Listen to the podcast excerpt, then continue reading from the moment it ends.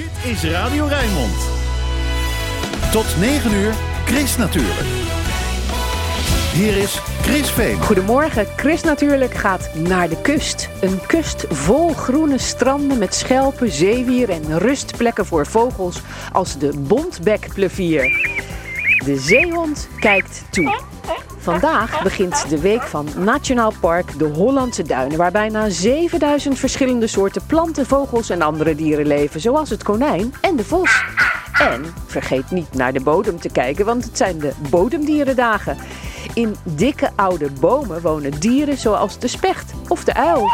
Je leest erover in het dikke oude bomenboek. In Trompenburgtuinen is het iedere dag bomentijd, maar nu een beetje meer dan anders. Je hoort er meer over vandaag in... Chris natuurlijk, met Chris Vemer.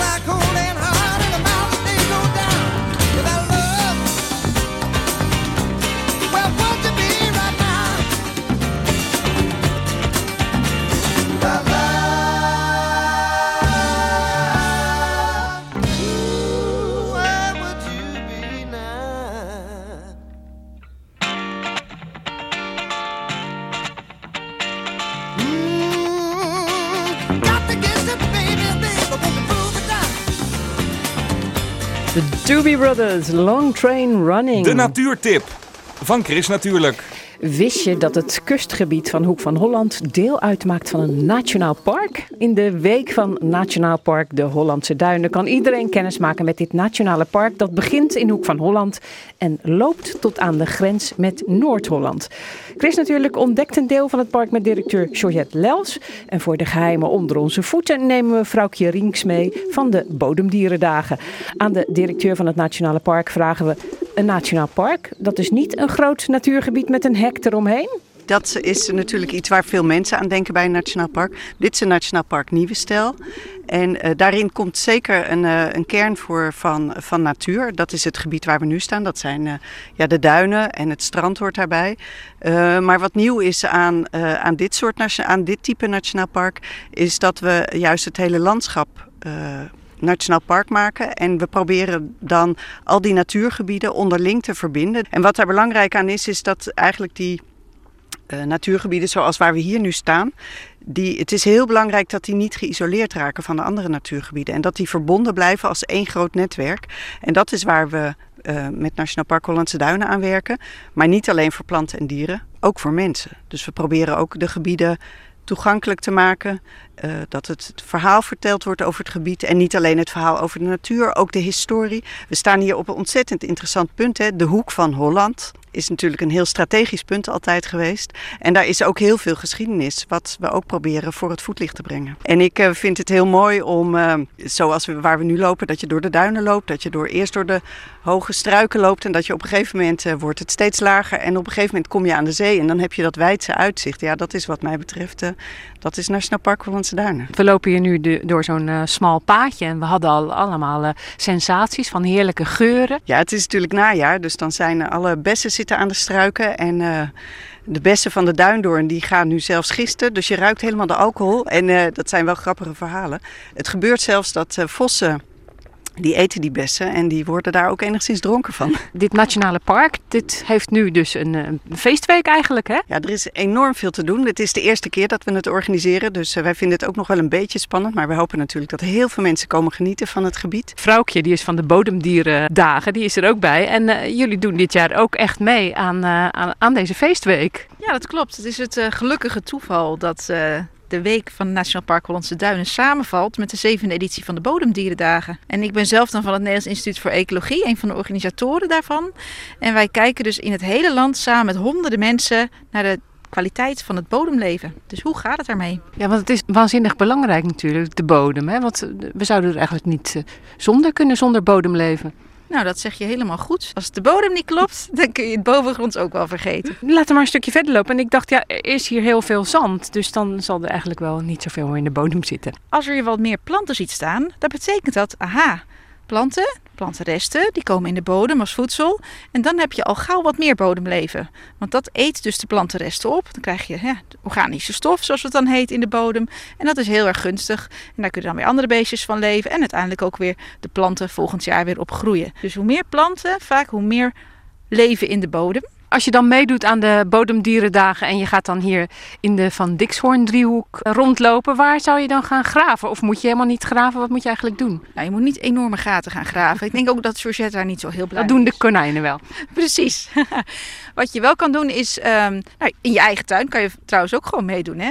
Eh, maar als je hier zou komen, zou je een plekje kunnen nemen. Gewoon aan het begin, dus eh, waar het toch al wat eh, tuinachtig nog is. En je zou het wat verderop kunnen doen, langs een pad, maar niet echt direct op het pad. Gewoon kijken tussen de planten, wat leeft er? Stenen optillen, takken keren. Want je hebt ook een heel pakketje bij je, hè? Met, Ja. met spulletjes die je zou kunnen gebruiken. schepje, want dan kan je altijd even kijken. Ik heb ook wat, wat eh, loeppotjes bij me, waar je dus de bodemdieren wat beter in kunt bekijken. En ik heb ook een zoekkaart waar je dus zelf op kan zien. Dat staat ook op de site van bodemdierendagen.nl, waar Nationaal Park ook naar verwijst. En dan kun je dus zelf op zoek naar eh, het leven. Ja, want een regenworm, oké, dat eh, herkennen mensen wel, maar dan soms wordt het ook wel eens wat lastiger. Ja, maar wist je ook dat er verschillende... Georgette heeft er wat gevonden al. Iets kleins gevonden. Het kruipt heel hard. Ja, dat is een kleine, klein wandje. Maar is dat een bodemdier? Ja, sommige wandsen wel. En trouwens, eh, Chris, regenwormen zei je wel. Maar niet elke regenworm is hetzelfde. Hè? Je hebt Dat is waar, verschillende Ja. soorten types. Ja. Kijk, Georgette is heel goed. Een loopkevertje. Het komt ook goed uit dat ik hier nu even naar kijk, want ik dacht eigenlijk, bodemdieren, die zitten onder. Onder het zand of onder het gras. Dat kan, maar dat is niet altijd het geval. Heel veel bodemdieren zijn eigenlijk parttime bodemdier. Dus ze zijn bijvoorbeeld overdag boven de grond of onder de grond juist en s'nachts omgekeerd. Pissebed bijvoorbeeld telt ook mee. Pissebed is een eh, hele goeie dat je die noemt, want die wint meestal. Want wij houden namelijk ook bij hoeveel bodemdieren er in welke tuinen gevonden worden en welke, ja, welke dieren dus eigenlijk in de meeste tuinen gevonden worden. Meestal is dat de pissebed, maar vorig jaar, verrassing, was het de regenworm. Dus ik ben nieuwsgierig wat dit jaar zal brengen. En ik ben ook nieuwsgierig wat eigenlijk de resultaten zullen zijn uit deze zandige kant van Nederland. Want dit is voor het eerst dat het zo grootschalig dan eh, meedoet.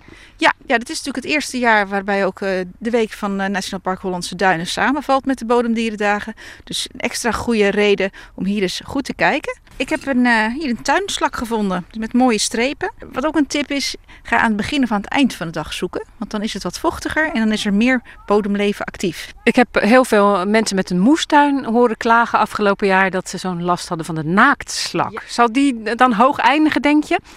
Nou, dat is een hele goeie. Daar ben ik zelf ook heel nieuwsgierig naar. Want inderdaad, eh, je kon geen krant openslaan of geen website openen zonder een verhaal over die, eh, die naaktslakken. Grrr.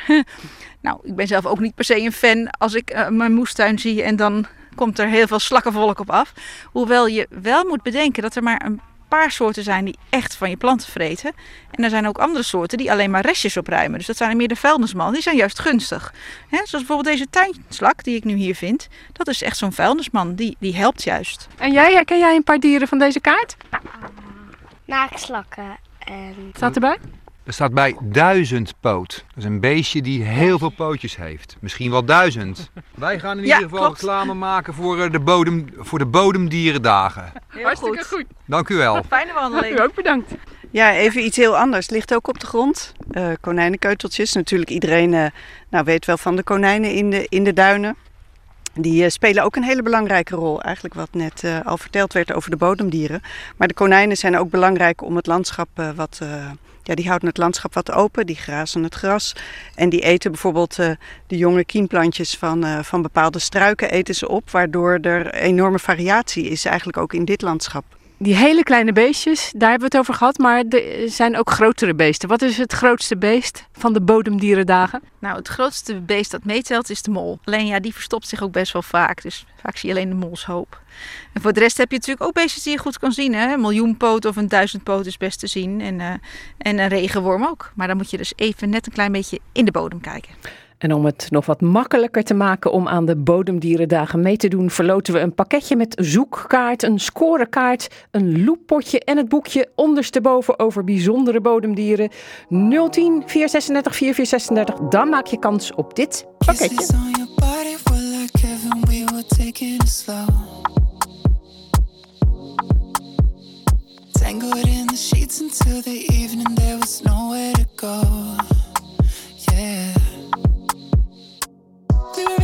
In learning each other's shapes, tracing shadows of rain down your back.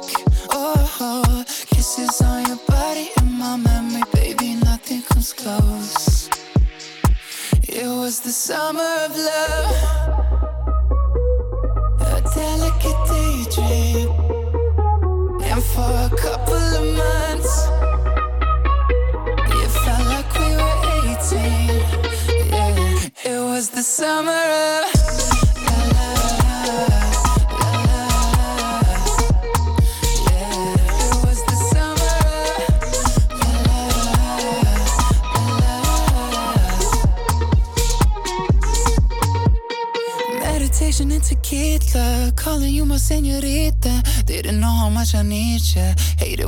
to leave you. I've been taking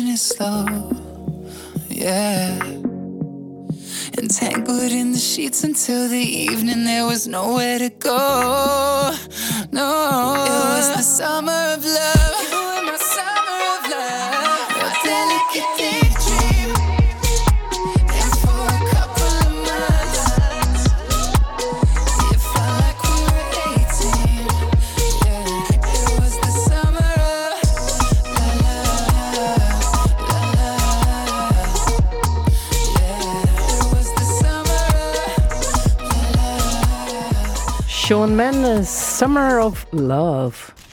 Chris natuurlijk. Lekker groen. Eh, Wat is er mooier dan een hagelwit strand? Misschien wel een groen strand. Woensdag krijgt het groene strand op Goeree Overflakkee er zelfs een nieuwe onderscheiding voor.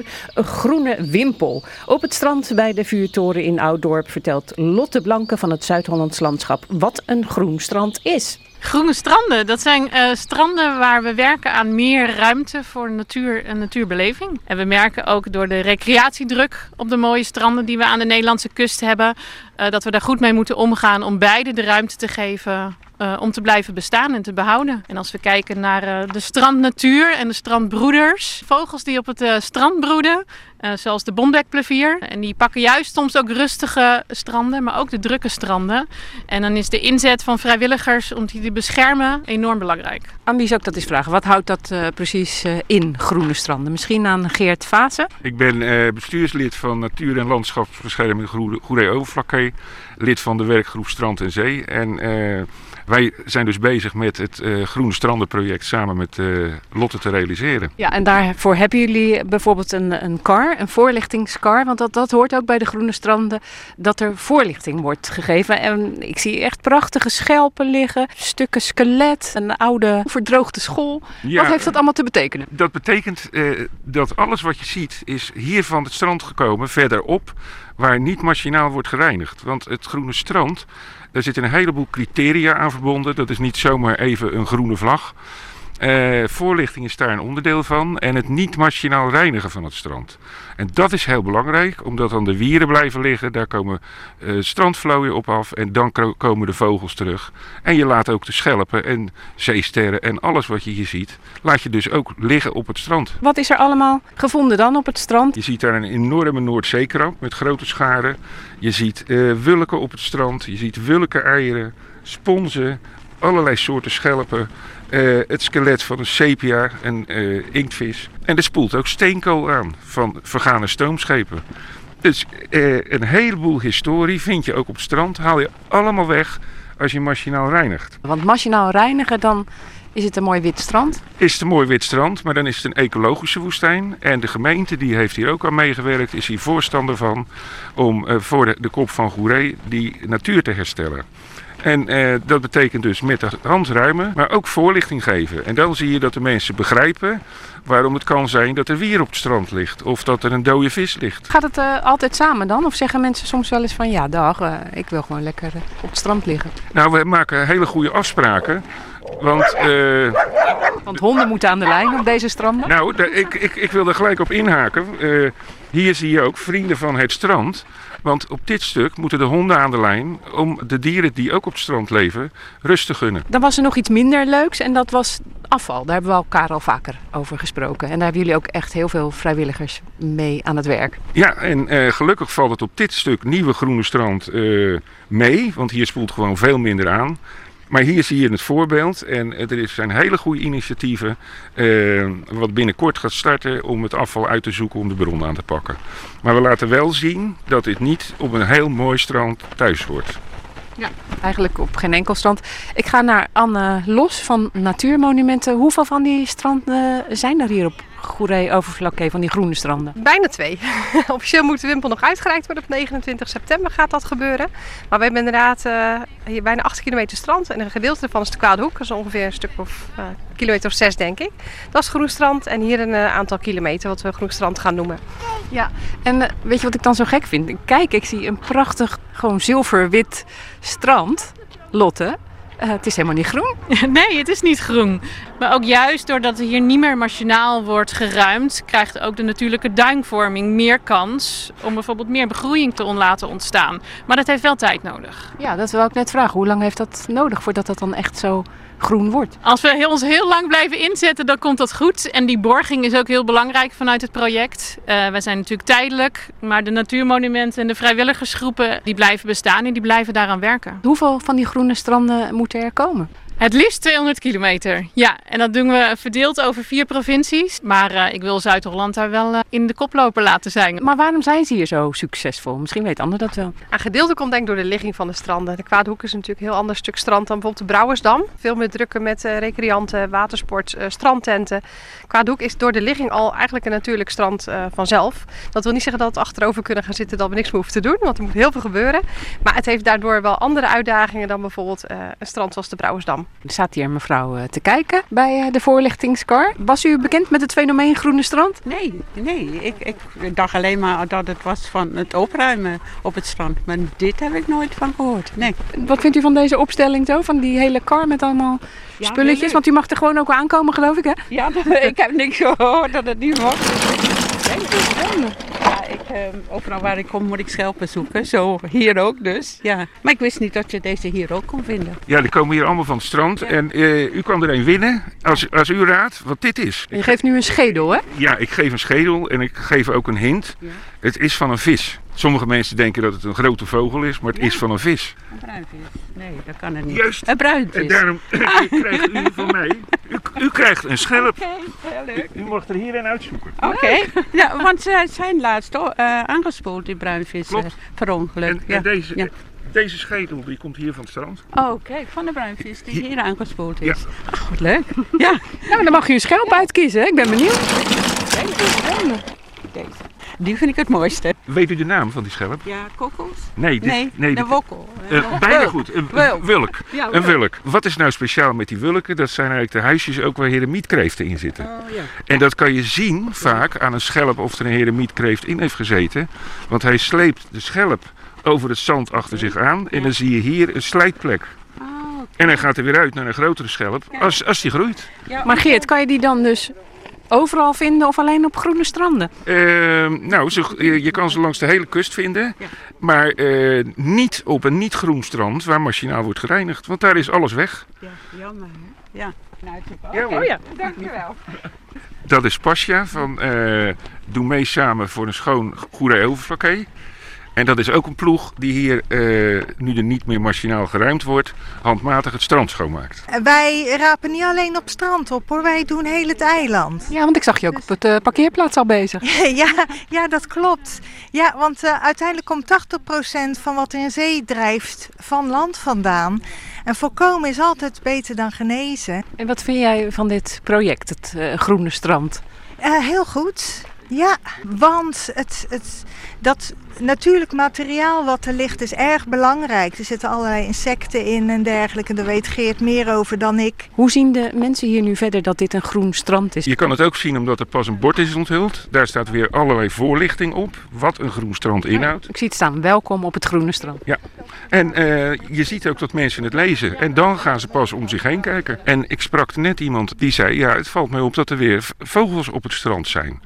En, want die wieren die brengen heel snel leven en ook wat meer dynamiek. Kom, we lopen even naar de waterkant en dan vraag ik ondertussen eventjes aan Lotte. Het kan ook zo zijn dat er dan stukjes van het strand worden afgesloten. Ja, dat kan. En dat kan dan vooral op de stranden waar er ruimte voor is.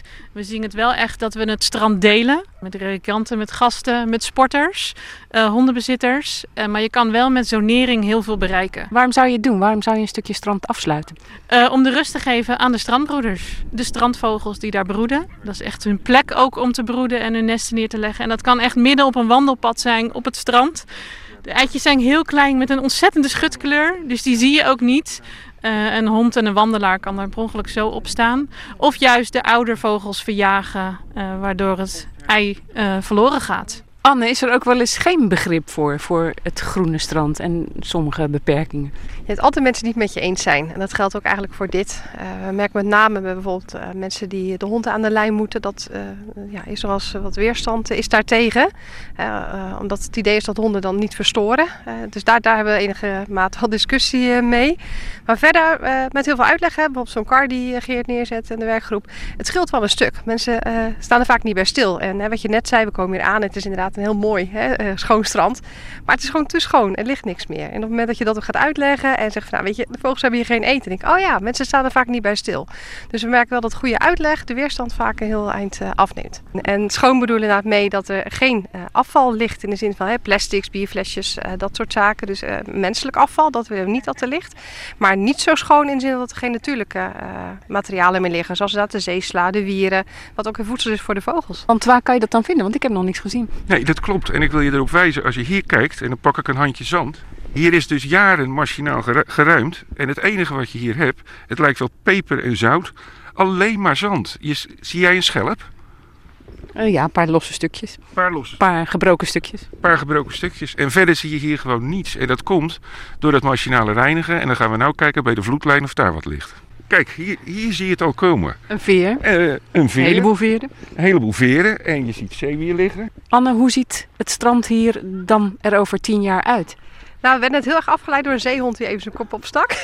ja, je stond te kletsen. Dat heb jij weer, hè? Ja, sorry.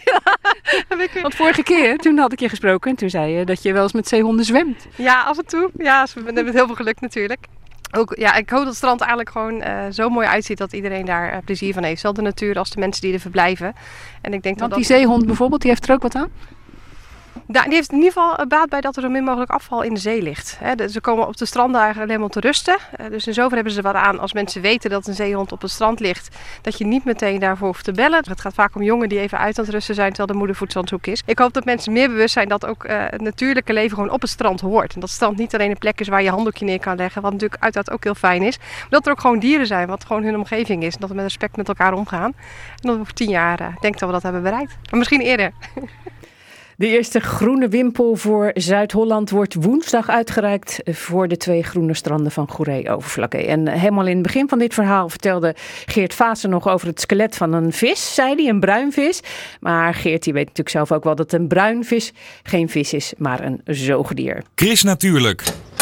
De weekendbijlage. Wat staat er in de weekendkranten over groen en natuur? Je hoort het in het overzicht dat ik vandaag samenlees met Ismaël de Bruin. Ismaël, goedemorgen. Goedemorgen. Jij gaat beginnen. Dit was corona, nu de klimaatcrisis, kopt de Volkskrant op de voorpagina. Welke coronalessen komen in de aanpak van de crisis goed van pas? Door de vulkaanuitbarsting op het Spaanse La Palma drijft een wolk met een verhoogde concentratie zwaveldioxide richting het noordwesten van Europa. De wolk bereikt vannacht Nederland. Het RIVM verwacht geen risico's voor de volksgezondheid, maar houdt het wel in de gaten, schrijft de Telegraaf. Van Groenland tot Vlaardingen, overal zijn de gevolgen van smeltend ijs zichtbaar, schrijft de Volkskrant naar aanleiding van een nieuw boek van weerman Peter Kuipers-Munneke. Neem nou dat stuk bouwland op een oud industrieterrein aan de oever van de Nieuwe Baars bij Vlaardingen. Moet je daar nog wel woningen bouwen, terwijl het gebied over een halve eeuw soms helemaal onder water kan staan. Er komt steeds meer aandacht voor het welzijn van vis die op ons bord belandt. Naar aanleiding van de bewuste visweek die maandag begint, test het AD vandaag plantaardige visvervangers als zalm en tonijn. En het is weer egelweekend, waarbij je de egels steelt in je eigen tuin of buurt. Door de groei van steden en dorpen worden tuinen voor egels steeds belangrijker. De egeltellingen zijn belangrijk om te kunnen zien hoe het met de egel gaat. En dat was Ismaël de Bruin met het groene nieuws uit de weekendkranten en ook een beetje daarbuiten. Dankjewel Ismaël. Graag gedaan. Gaan we door met het weerbericht. En dat komt vandaag van eh, Stefan. Stefan van der Gijzen. Goedemorgen, Stefan. Chris, hele goede morgen. Eh, eh, ja, hoe ziet het weer eruit dit weekend? Want volgens mij krijgen we nog een hele mooie nazomer, is ons gezegd, beloofd. Ja, klopt. Ja, klopt. Ja, we zitten op dit moment wel met een hoop bewolking, zoals je kan zien. Maar eh, boven België liggen al eh, flink wat opklaringen klaar. En die gaan vanaf de middag eh, onze regio binnentrekken. En dan wordt het opnieuw gewoon vrij aardig weer met zonnige perioden. Het blijft vandaag overal droog. En met een zwakke tot matige zuidelijke wind kan het vanmiddag opnieuw 22 graden worden als die zon een beetje doorbreekt. Nou, dat klinkt toch goed zomers. Ja, toch? En morgen nog meer, hè? Ja, morgen wordt het eh, nog eh, één of twee graadjes warmer. Er zijn dan ook zonnige perioden. Ehm, heel misschien dat er in de avond een buitje valt, maar dat is nog niet helemaal zeker. Maar in de middag kan het dan 22 graden aan de kust worden en 24 graden in het binnenland. Zo. En hoe lang eh, houden we dat nog, die heerlijke nazomer? Ja, nou, het- weekend dat is dan wat dat betreft wel genieten, want vanaf maandag dan hebben we te maken met enkele buien. Maandag kan het nog wel 20 graden worden, is het af en toe zon. Maar vanaf dinsdag, eh, woensdag zeker, dan krijgen we een overgang naar wisselvallig herfstweer. En vanaf woensdag halen we misschien in de middag nog maar 16 of 17 graden. Oké. En ga jij nog wat leuks doen eh, dit weekend? Misschien wel Egeltel weekend? Ja, ik eh, hoor het. Jullie zijn bezig met, met dieren en beesten en leuke dingen. En groene stranden las ik ook. dat Ja, zeker. Ja, dat hebben we Ja. net kunnen horen inderdaad. Ja, nou ja, goed, ik hou ook van het strand, dus ik zal vandaag wel eventjes wat gaan wandelen of zo. Heerlijk. Ik zou zeggen een heel fijn weekend en tot de volgende keer. Dag Ja, Stefan. jij ook. Tot dan. Luisteren allemaal naar Chris. Kom nou toch. Chris, natuurlijk.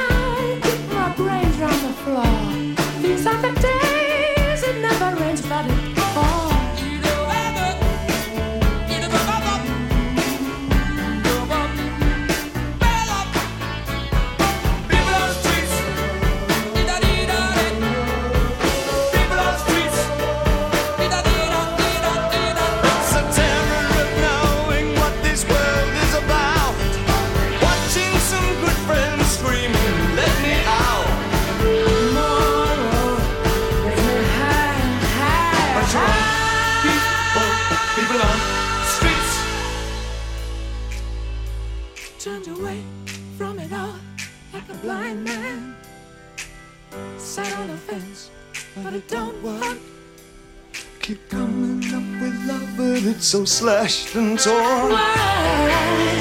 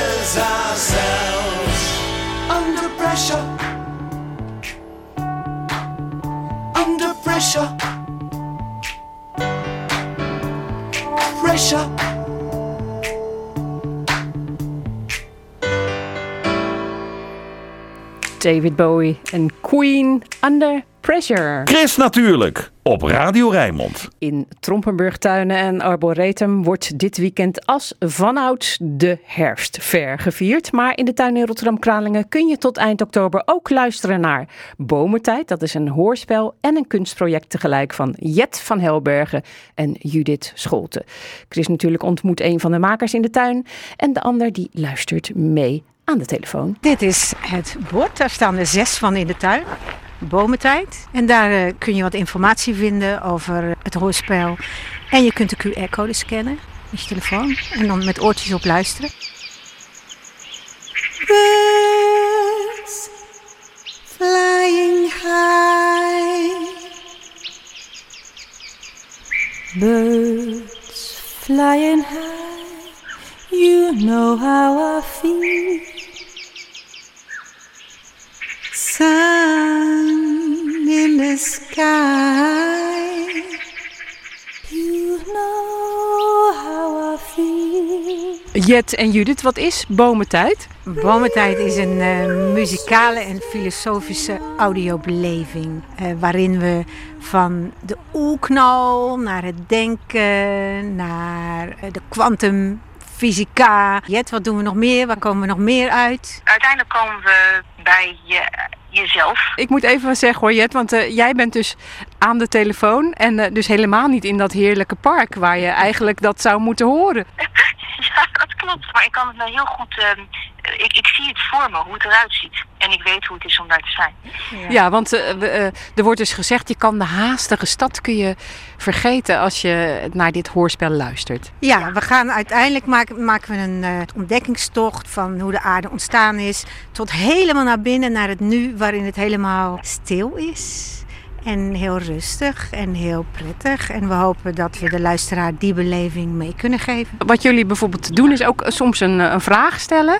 Eh, En dan zijn jullie ook even stil. En dan, dan zeggen jullie, eh, nou misschien kunnen we even dat fragmentje laten horen. Beste luisteraar, laten we eens 10 seconden stoppen met denken. Daar gaan we. Eh, ho- hoe ging dat? Nou, niet zo best. Ik haal ongeveer 4 seconden. Het lukt niet echt, hè? Je denken uitzetten. Nee. Nou, dat was weer een fragmentje uit eh, Bomentijd. Zullen wij trouwens even verder lopen door de tuin? Prima. En dat kan je dus ook doen met je koptelefoon op. En dan hoor je jullie ook zingen. De ene is sopraan, hè? dat ben jij, Jet. Ja, klopt. en jij? Ik ben eh, jazzzangeres. Ja. En dan, eh, hoe kiezen jullie dan de muziek voor zo'n project? Nou, dat is eigenlijk vrij intuïtief gegaan. Het zijn wel stukken waarvan we zelf, waar we zelf erg een band mee hebben. En daarnaast moet het ook passen binnen de thematiek. Kijk, het is een zoektocht naar jezelf. En waarom? Waarom hadden jullie zo'n zoektocht dan gemaakt? Heeft het te maken met dat je het zo druk hebt in je leven en dat je daarom een soort rust nodig hebt? Wie heeft dat niet, zou ik bijna willen zeggen. Maar belangrijker is dat als je eigenlijk in het leven alles afpelt, dan kom je steeds op hetzelfde, in ieder geval dat hadden Jet en ik, op hetzelfde punt uit. Waar gaat het nou over in het leven? Hè? Wat is het belangrijkste? Wat doen we hier? En dan kom je op tot bepaalde conclusies. En daarin nemen we dus de luisteraar mee in dit, in dit hoorspel. En we proberen hem, haar dat zelf te laten beleven. Zullen we even een nieuwe QR-code ergens gaan vinden op een andere plek? Want we lopen nu bijvoorbeeld... Oh, kijk nou. Onder dit, eh, dit is een heel prieeltje. prieel, dit is het prieel inderdaad, ja. En jullie hebben niet speciaal voor deze tuin deze voorstelling gemaakt? Nee, hij is ontwikkeld naar aanleiding van een open call in de Westerkerk in Amsterdam. Daar werd aan kunstenaars gevraagd om een eh, visioen in te sturen. We hebben ook eh, de luisteraars toen eh, gevraagd waar zou je dit werk eh, opnieuw willen horen? Of waar, welke eh, locatie zou de ervaring nog kunnen versterken? Een heel vaak voorkomend antwoord was eh, in de natuur. Het is dus gemaakt voor de kerk. Dat is iets heel spiritueels. De natuur kan natuurlijk ook iets heel spiritueels zijn. En dan bijvoorbeeld ook die prachtige oude bomen die hier staan. Kijk, het heet ook bomentijd, hè? En nou, ik ga het verder niet verklappen, want er is een reden voor dat het bomentijd heet. Maar wat Jet en ik ook delen is dat we heel erg, ik weet niet of je dat zo kunt zeggen, Jet, maar bewondering hebben voor bomen. Bomen zijn zo geweldig geoutilleerd voor, voor wat ze doen. Die staan daar maar gewoon te staan en te groeien. Weer of wind, maakt niet uit. Prachtig bomen. Daar, daar kunnen we wat eh, nou, van leren. Ik weet niet. eh, Ja, misschien wel. Er, er- er is natuurlijk ook al bewezen dat natuur, eh, in de natuur zijn helend eh, kan zijn. Hè, dat het gezond is. Dat is. Daar zijn allemaal redenen voor. Maar dat, dat, dat weten we intuïtief. We doen het als mens intuïtief. Eh, en, en jullie en ik, we, willen begrijpen waarom. You can never lose a thing. Never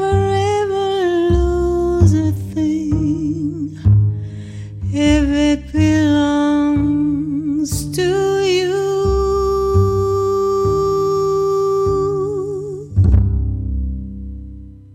Bomentijd van Judith en Jet. En vandaag en morgen kun je die bomentijd, het hoorspel, kun je combineren met de herfstver. Want die is weer in Trompenburg. Nou, Hebe Kistmaker, die weet er alles van, hè? Onze focus ligt op eh, planten en daarnaast oogstproducten. En bij oogstproducten kun je denken aan hele bijzondere pompoenen, maar bijvoorbeeld ook andere producten die gemaakt worden van oogst, zoals jam, eh, confituren, maar ook mosterd, olijfolies.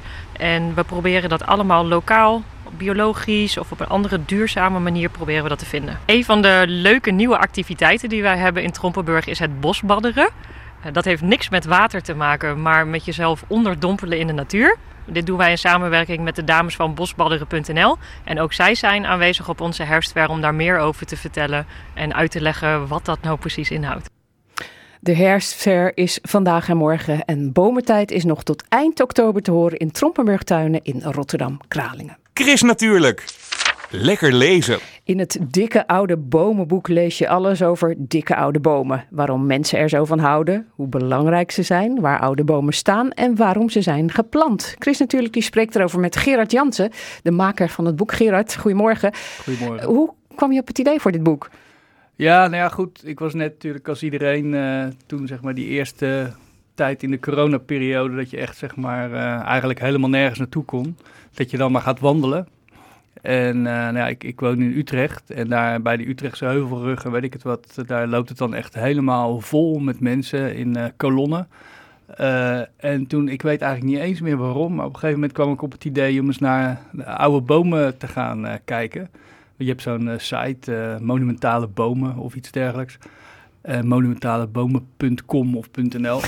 en, en daar staan gewoon, eh, ja, het zijn allemaal van die, eh, het is heel goed gedocumenteerd eh, waar allemaal oude bomen staan. En toen ben ik eens in plaats van naar zo'n gewoon wandelgebied naar zo'n oude boom toe gegaan. En dat, dat vond ik eigenlijk wel waanzinnig. Het zijn geweldige dingen waar je, ja, waar je normaal gesproken zeg maar niet naartoe gaat, tenminste ik niet. En ze staan natuurlijk ook, ja, dat realiseerde ik me pas later, op plekken ja, waar, waar dingen met rust gelaten worden. Want anders eh, zou die oude bomen niet meer gestaan hebben. Dus het is daar vaak eh, wel ja, mooie rustige plekken, weet ik veel, bij een kasteel of eh, op een kerkhof of ja, wa- wa- waar dan ook. En ehm, ja, zo is dat eigenlijk gekomen. Ja, maar ehm, iedereen die heeft eigenlijk wel iets met oude bomen. Hè? Hoe, hoe zou het komen dat juist die oude bomen zo tot de verbeelding spreken? Nou ja, ze worden eigenlijk, bij die bomen, kijk, zeg maar, ja, iedereen die weet hoe een boom eruit ziet, eh, die je gewoon in de, in de, aan de straat ziet staan. Nou ja, goed, een stam en dan eh, zo'n kroon van eh, bladeren. Maar dat zijn eigenlijk allemaal een beetje jonge, puberbomen. Eh bomen worden over het algemeen, die komen ze niet tot middelbare leeftijd, zeg maar, in, op de meeste plekken. En echt oud worden ze al helemaal heel zelden. En echt oude bomen, ja, die krijgen eh, ja, hele, weet je dan zijn die boom, die zijn die takken, die zijn zo, zo dik als, als gewone boomstammen. Ze krijgen holtes en gaten en, eh, en vreemde, vreemde vormen. En eh, ja, er gaan, gaan, gaan, gaan gekke dieren in wonen en dat soort dingen. Het zijn een beetje van die sprookjesbomen en die bestaan echt. Ja, want, maar wanneer is een boom eigenlijk een oude boom? Ja, hangt er een beetje vanaf van welke soort. Hè. Sommige soorten worden helemaal sowieso niet zo oud. Maar bijvoorbeeld een, een eik, die kan, die kan in principe wel duizend jaar oud worden. Nou ja, dat worden ze niet. eh, daar zijn er nauwelijks meer van in Europa dan. Eh, maar goed, een, een, een eik van 50 jaar oud of 100 jaar oud is dus eigenlijk een hele jonge eik. Ja, en waar vinden we die dan eh, bijvoorbeeld? Want je zegt ja, in Europa vind je ze nauwelijks nog. Nou ja, je hebt in, eh, in de bergen van Griekenland en, eh, en Italië, daar staan nog eh, ou- oude bomen van, eh, nou zeg, eh, rond de duizend jaar oud. Eh, maar die, dat, ja, die staan hoog in de bergen waar het eh, vaak droog is geweest. En eh, het zijn, ja, waar mensen niet komen, zal ik maar zeggen.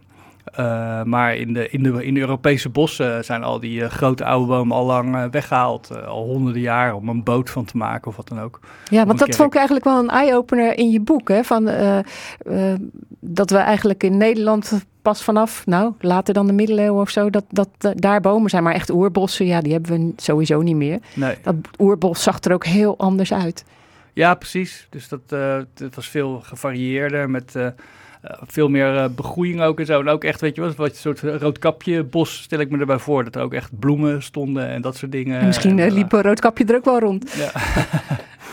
ja, en, maar goed, dat, dat soort echte oerbossen, die heb je in Europa nauwelijks meer. Ik geloof in Polen nog. En, eh, En ook goed, bedreigd. Ja, en maar goed, inderdaad, echt. eh, dus dus eh, tropische regenbossen zijn in feite ook oerbossen. En eh, in Australië en Amerika heb je, heb je nog wel van die hele oude, oude bossen. zijn natuurlijk ook heel belangrijk voor, eh, ja, klimaat en dat soort dingen. Ja, een oude boom is belangrijker voor het klimaat dan een jonge boom. Nou ja, kijk, het is natuurlijk zo, kijk, als je naar in, in weet ik veel, ja, in, in, in zo'n oerbos in Afrika of zo, dan zijn natuurlijk die, die hele hoge bomen die helemaal tot aan eh, de top reiken en, eh, en de meeste zon vangen. Dat zijn vaak ook de oudste bomen, dus dat zijn de grootste. Dus je kan je voorstellen dat die, het zijn natuurlijk een soort eh, machines die van... eh, eh, zuurstof eh, en water, eh, eh, of van kool, wat zeg ik nou, van, eh, van eh, ko- koolstofdioxide en zonlicht maken ze eh, zuurstof eh, en, eh, en water.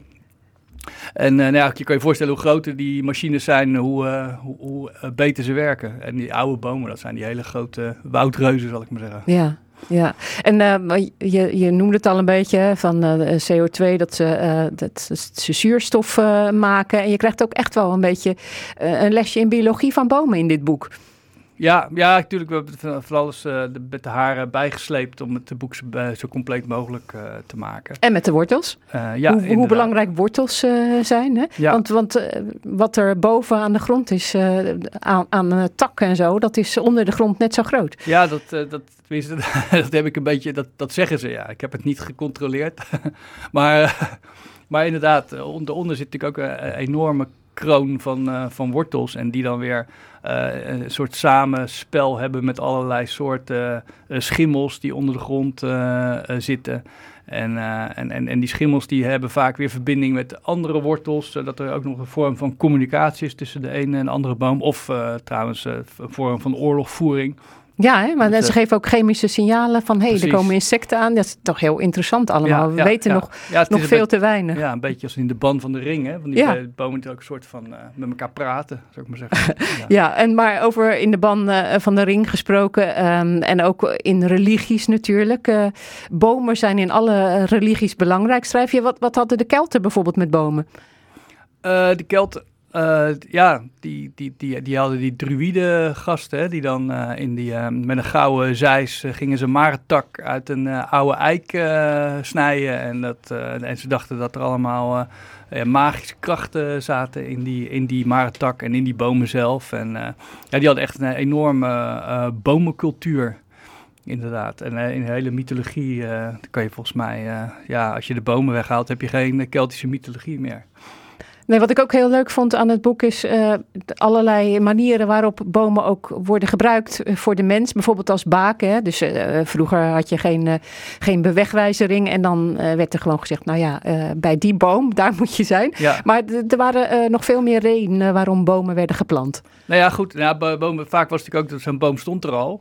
En, eh, en die werden dan wel vaak als, eh, als een soort grens eh, ge- gebruikt. Want een boom kan je niet heel stiekem een paar meter verzetten. Dus dan zeg je, nou, daar, tot daar is mijn land. En inderdaad, dan was het bij die, bij die grote rode boom rechtsaf. En dan langs de rivier en dan bij de linden weer linksaf. Zo ging dat dan. eh. vroeger Indianen, die gingen zelfs bomen, zeg maar, een bepaalde vorm geven. Zodat ze een bepaalde kant eh, op, op wezen. Door ze echt anders te laten groeien. Eh, maar, maar goed, eh, va- bomen werden ook veel gebruikt voor andere dingen. De, va- vaak wel je kerken of zo, die staan vaak ook bij een, een oude boom die al vereerd werd voor, voor die tijd. Eh, lindenbomen werden in, eh, in een dorp vaak geplant als een soort eh, cent- centrale plek waaronder ge- gedanst werd. Eh, menig, eh, heel veel mensen die hebben een eerste kus gegeven onder een, eh, een lindenboom, zeg maar, van onze voorvaderen.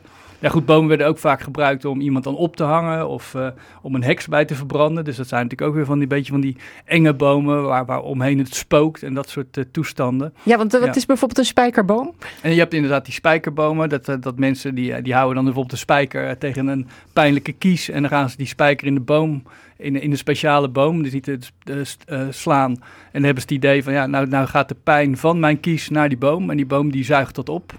En eh, dat is een of ander oud eh, volksgeloof. Het gaat volgens mij terug naar de Romeinen. En dat, je hebt nog steeds van dat soort spijkerbomen en lapjesbomen in Nederland en België. Waar mensen dan, als ze een ziek eh, familielid hebben of zo, dan hangen ze daar een, ja, een onderbroek of zo van, in. En, En dan genezen en hoe zie je bijvoorbeeld dat er een uil in een boom slaapt? Ja, dat kan je zien door de, de uilenballen die eronder liggen en alle poep die aan, aan, de, aan de boomstam eh, zit. Dat ja, soort dingen. want dat soort eh, voorbeelden geven jullie ook. Want bomen zijn natuurlijk ook, eh, heel veel bomen zijn natuurlijk ontzettend belangrijk ook voor dieren. En welke bomen uit, het, uit je boek zou je nou een keertje zelf in het echt willen zien, die je nog niet gezien hebt? Nou ja, ik zou, je hebt, je hebt in, in Amerika heb je dan die hele oude bomen die echt al 5000 jaar oud zijn. En daar zou ik ook wel, want dat, dat, dat, dat- daar wil ik denk ik nog wel een keertje naartoe. Ook omdat er nog wel een paar grappige verhalen. Die Joshua Tree of zo? Of, eh, of nee, de nee, dat zijn die, of, eh, eh, die eh, ook niet die sequoia's, Nee. dat zijn die hele grote. Die wil ik trouwens ook wel eens een keertje, keertje zien. Maar je hebt die, eh, die bristle cone pines, heette dat geloof ik. Een soort pijnbomen. Het zijn eigenlijk hele kleine, onooglijke boompjes. Lelijke boompjes, ja. Maar die eh, zijn echt duizenden jaren oud. En er zijn dan ook, de, de- welke dan het oudst zijn, dat is dan ook geheim. Dus dat mag niemand weten, want ze zijn bang dat mensen er naartoe gaan om er een takje af te breken of zo. Weet je, Ja. aandenken. maar er is ook, schijnt een boom te zijn die dan nog ouder is dan de officiële oudste boom. Die is ooit beschreven door een of andere boomdeskundige, maar die is kort daarna overleden en, eh, en niemand weet waar die staat. Dus dat vind ik ook nog wel een leuk eh, iets om uit te, te, zoeken. Ja, jij gaat er naar zoeken. Dankjewel. Je leest er meer over in het dikke oude bomenboek uitgegeven bij Snor. Het kost in de winkel 24 euro en 99 cent. Geschreven door Gerard Jansen. Eén luisteraar kan het boek winnen. Bel 010 436 4436 en je maakt kans. Daarmee zijn we aan het einde gekomen van Chris Natuurlijk. Een programma van Chris Vemer, Ismaël de Bruin, Danielle En Joost de Jong. Die werkte mee. Nog een hele fijne zaterdag. Straks veel plezier met Johan Derksen en muziek voor volwassenen.